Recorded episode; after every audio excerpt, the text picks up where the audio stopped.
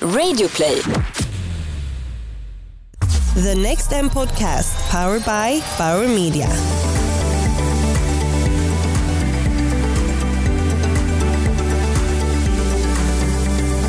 Välkommen till NextMs podcast som produceras tillsammans med Bauer Media. Jag heter Klara Grälsson och är VD på mediebyrån Mindshare. I den här podden får du träffa såväl internationella inspiratörer som nationella specialister inom marketing och tech. Nu sitter jag i Bauer Media studio och framför mig har jag Magnus Rudling som är business manager på Wobbling. Välkommen! Tack så mycket. Roligt att du är här. Absolut, det är kul att vara här. Ja, jag har ju spanat lite. Ni har ju en monter här lite längre bort eh, och ni jobbar med eh, virtual och augmented reality. Berätta lite mer om företaget. Eh, så Wobbling startades eh, för ungefär tre år sedan ehm, och ehm, eh, Eh, vi såg ett behov av, eller vi såg en ökad intresse kring AR och VR augmented reality och virtual reality och såg att det fanns inte riktigt något bolag där ute som kunde hjälpa företagen att förverkliga sina drömmar. Eh, att skapa VR och AR-upplevelser. Eh, så vi startade som en liten konsultbyrå. Ehm, två, tre personer som drog igång det här och eh, vi har varit ute och träffat massor typer av olika bolag eh, och stadigt växt till att ha blivit en av Europas största och ledande inom våra segment idag. Så vi är ungefär 20 personer varav ehm, så säga, 75 eller nästan 95 procent av dem jobbar med just teknikutveckling och skapar de här upplevelserna. Okay. Eh, vi finns idag i Stockholm, i Gamla stan, där vi har vårt huvudkontor. Och sen har vi också ett utvecklings-, sälj och marknadskontor i Asien, i Manila i Filippinerna. Mm -hmm. Där ser man. Men du, om man är ganska ny med de här begreppen VR och AR, vad är skillnaden? Ja, precis. Så uh, virtual reality då, uh, om vi börjar där, är ju när man sätter på sig en form av hjälm, brukar många kalla det, eller ett head mountain device. Och man sluter in sig i en helt ny värld. Så man plockar bort allt det vi ser som är så att säga, verklighet. Ehm, och I de här glasögonen så kan vi då modellera upp eller ehm, filma eh, olika scenarier så man kan transportera sig till de miljöerna man vill. Eh, så exempel, eh, ett, ett bra exempel som många brukar kunna förstå är ju det här med lägenheter. Eh, tänk dig att du har ett bolag som eh, håller på att utveckla lägenheter och så ska man sälja de här lägenheterna innan de är klara, innan de faktiskt finns i verkligheten. Då är VR ett jättebra verktyg. Ehm, då tar man då ritningarna man har på lägenheterna, man bygger upp de här eh, lägenheterna i en 3D-miljö och så sätter man på sig glasögonen och man kan gå runt i den här lägenheten innan den faktiskt finns. Och det är det jobbet vi gör. Vi bygger de här lägenheterna, vi ljussätter eh, scenerna, lägger till möbler, golv, väggar, tak och så vidare. Men om man då ska röra sig runt, då behöver man också ha ett eh, till exempel då ska det här eh, företaget ha ett tomt eh, stort rum bara, eller nästan som ett warehouse där man bara liksom kan gå verkligen runt, för då kan man ju ta sig runt helt och hållet i lägenheten. Ja. För när jag provade här, det finns ju stolpar och bord och, och om man då tar, liksom, tar något steg åt fel håll, då går man ju in i de här sakerna, eller hur? Så det är ju både en för och nackdel. Ehm, en fördel är ju att ehm, vi kan ha de här jättestora lägenheterna men vi kan ha dem på ganska små ytor i VR för att man har, man har en liten fjärrkontroll, eller en handkontroll eh, där man kan teleportera sig runt, vilket man inte kan göra i verkligheten. Så då eh, kan man gå en viss sträcka, det vill säga så stort som det fysiska rummet är. Men i det virtuella rummet så kan jag förflytta mig i oändliga sträckor. Jag kan resa runt jorden genom att liksom trycka på en knapp då och förflytta mig i den här världen fastän jag står stilla. Eh, så att man kan ju få in liksom eh, Tänk dig ett varuhus fyllt, tänk dig IKEA fyllt med liksom massor, massa möbler. Eh, det kan man ju faktiskt få in på en yta av 2-3 kvadrat bara. Eh, och fylla det här rummet, eh, virtuella rummet och kunna teleportera sig runt då i det här. Fast det fysiska rummet är väldigt, väldigt, kan vara väldigt, väldigt litet. Augmented reality, är det den här blandningen då när man liksom använder sig av correct me if I'm wrong, helt enkelt. Använder sig av det riktiga rummet men man kan se eh, virtuella saker i den riktiga verkligheten. Ja, precis. Så eh, skillnaden då med eh, augmented reality, det är att där är ju den verkliga världen så som vi ser den ehm, eh, som säga, grundpelaren och man lägger på digitala objekt i den här verkligheten. Och det kan man göra på lite olika sätt. Eh, och de vanligaste sätten idag är att man använder sin smartphone eller en, en tablet. Eh, och man använder den här eh, kamerafunktionen så att man, man på ett sätt filmar verkligheten och på skärmen så lägger man på olika typer av objekt. Det kan vara då som exempelvis en, en möbel eller en bil eller en maskin eller någonting man vill placera in i verkligheten. Så till exempel, ett exempel kan vara Pokémon Go för Exakt. två år sedan kanske när ja, folk precis. bara gick som zombies runt i mitt bostadsområde. Då visade det sig att vi hade någon form av, ja, jag vet inte, något lek. Man skulle liksom föda upp dem eller leka med dem precis utanför vårt hus. Så det stod liksom 20 personer och bara liksom tittade ner i sina telefoner. Det, ja, alltså, kul. Ja, kul och intressant. Den stora massan eh, hörde talas om augmented reality via Pokémon Go där vi placerar ut digitala objekt i verkligheten med hjälp av en GPS-position. Eh, och precis Snapchat är exakt samma sak, där man använder ansiktet som en typ av markör. Så att eh, Snapchats filter känner igen din ansiktsform, vart du har dina ögon, mun, näsa och så vidare. Och sen kan man då sminka verkligheten. Ja, okay. Så du lägger på smink, förstorar ögonen, lägger på hattar eller roliga eh, vattenfall från munnen, de här, vad heter det? regnbågarna som sprutar ut i munnen och så vidare.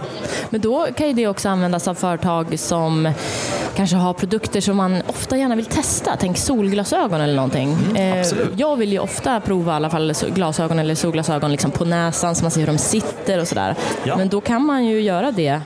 Då föreslår jag att du går till Samsung för de har redan det här idag. Oh. Jättehäftigt eh, app eh, som också går att ladda ner till din iPhone eller din smartphone rättare sagt. Ehm, som heter Stylelab tror jag. Okay. Ehm, och då kan man faktiskt testa olika typer av glasögon så den är väldigt, väldigt bra användbar.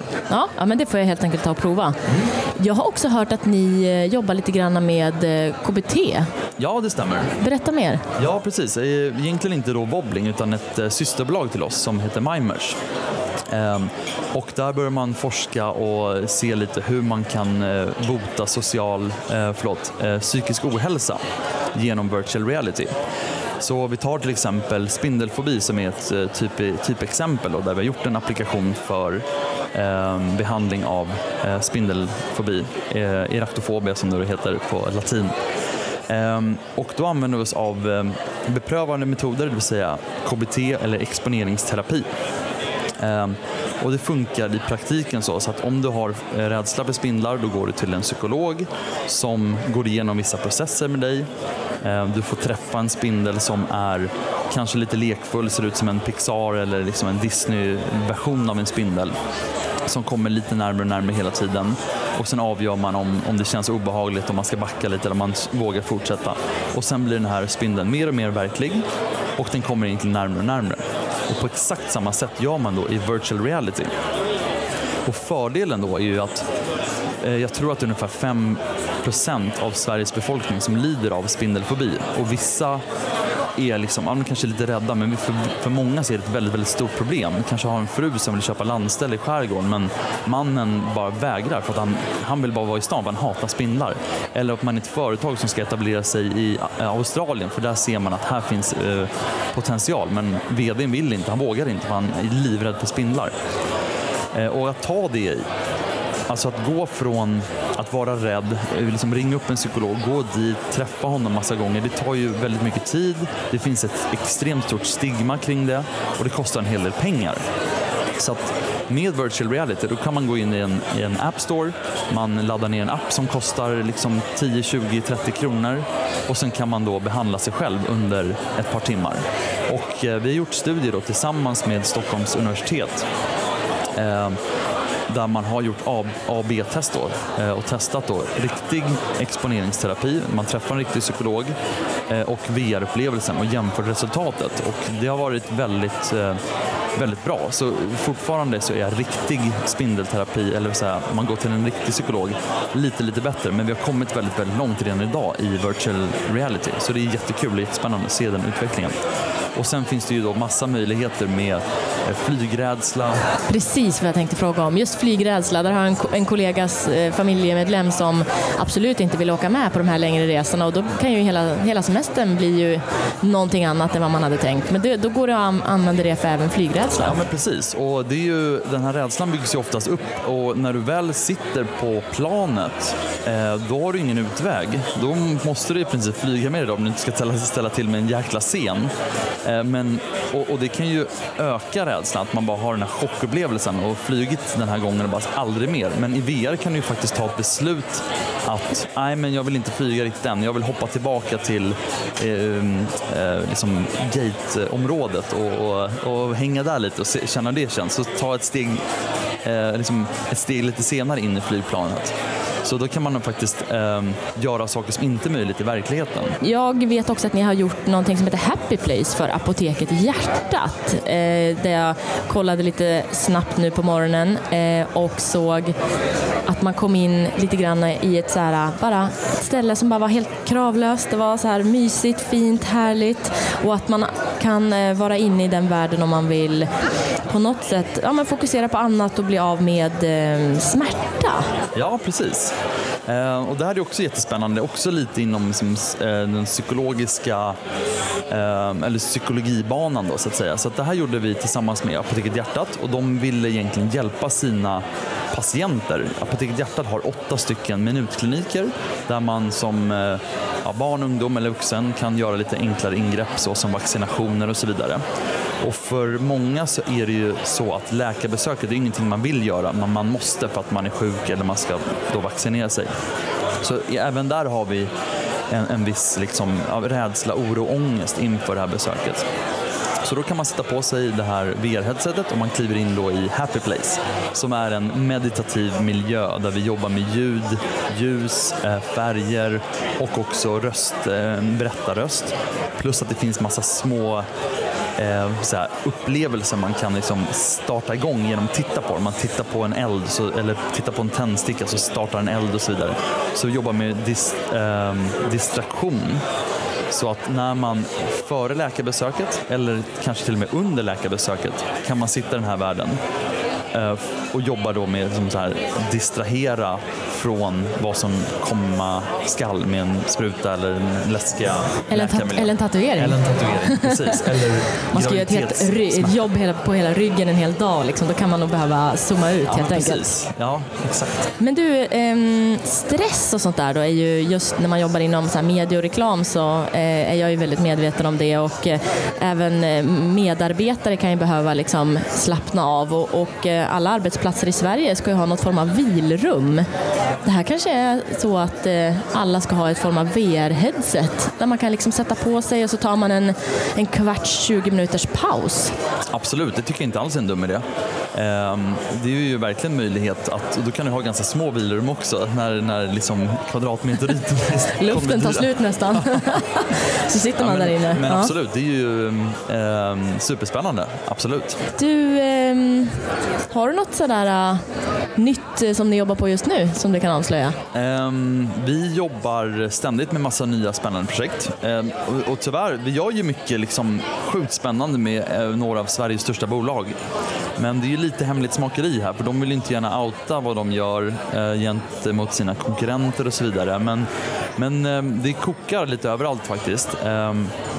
Och någonting som jag tycker, som jag brinner väldigt starkt för, det är ju eh, augmented reality och hur vi kommer använda det i framtiden. Jag hade en, en liten kort föreläsning här igår eh, om just det.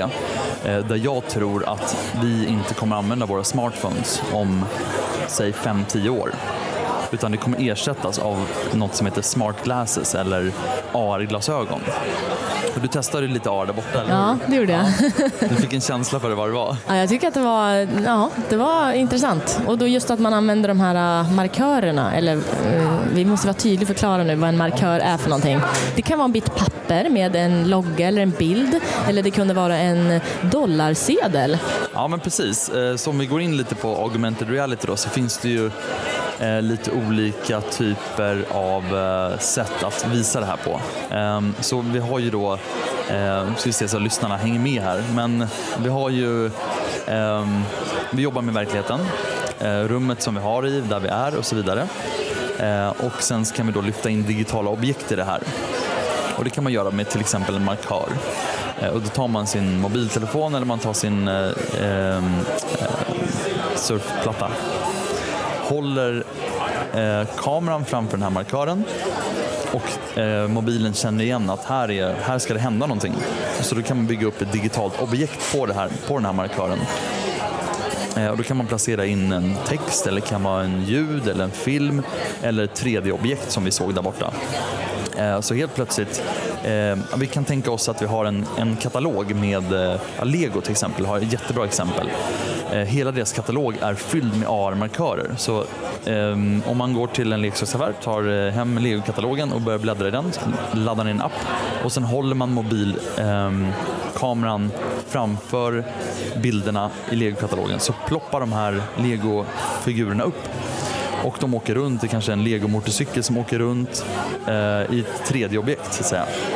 Det är lite svårt att förklara så här, men, men jag, jag eh, rekommenderar alla som lyssnar att, att eh, börja testa lite med AR-appar och ladda ner det. Eh, Ikea Place till exempel, en jättehäftig, spännande app där man kan placera ut möbler eh, i sitt eget hem och se lite hur man ska möblera, om färgerna passar och möblerna passar innan man faktiskt köper, innan man åker dit och monterar ihop de här grejerna. Eh, eller beställer och sen monterar ihop såklart. Eh, Lego också, jag tror den heter Lego 3D-katalog ehm, eller någonting sånt. Jättespännande grejer. Ja, men då har vi lite ställen att kika in på helt enkelt. Och det finns ju också mer eh, bara exempel också på wobbling. V-O-B-L-I-N-G.com. V-O-B-L-I-N-G.com. Yes! Snyggt! Men då så, då ska vi avsluta lite här. Tack så jättemycket Magnus. Jag hoppas att du får en fortsatt eh, bra sista dag här på Nextem. Ja, men tack och tack för att du fick komma hit.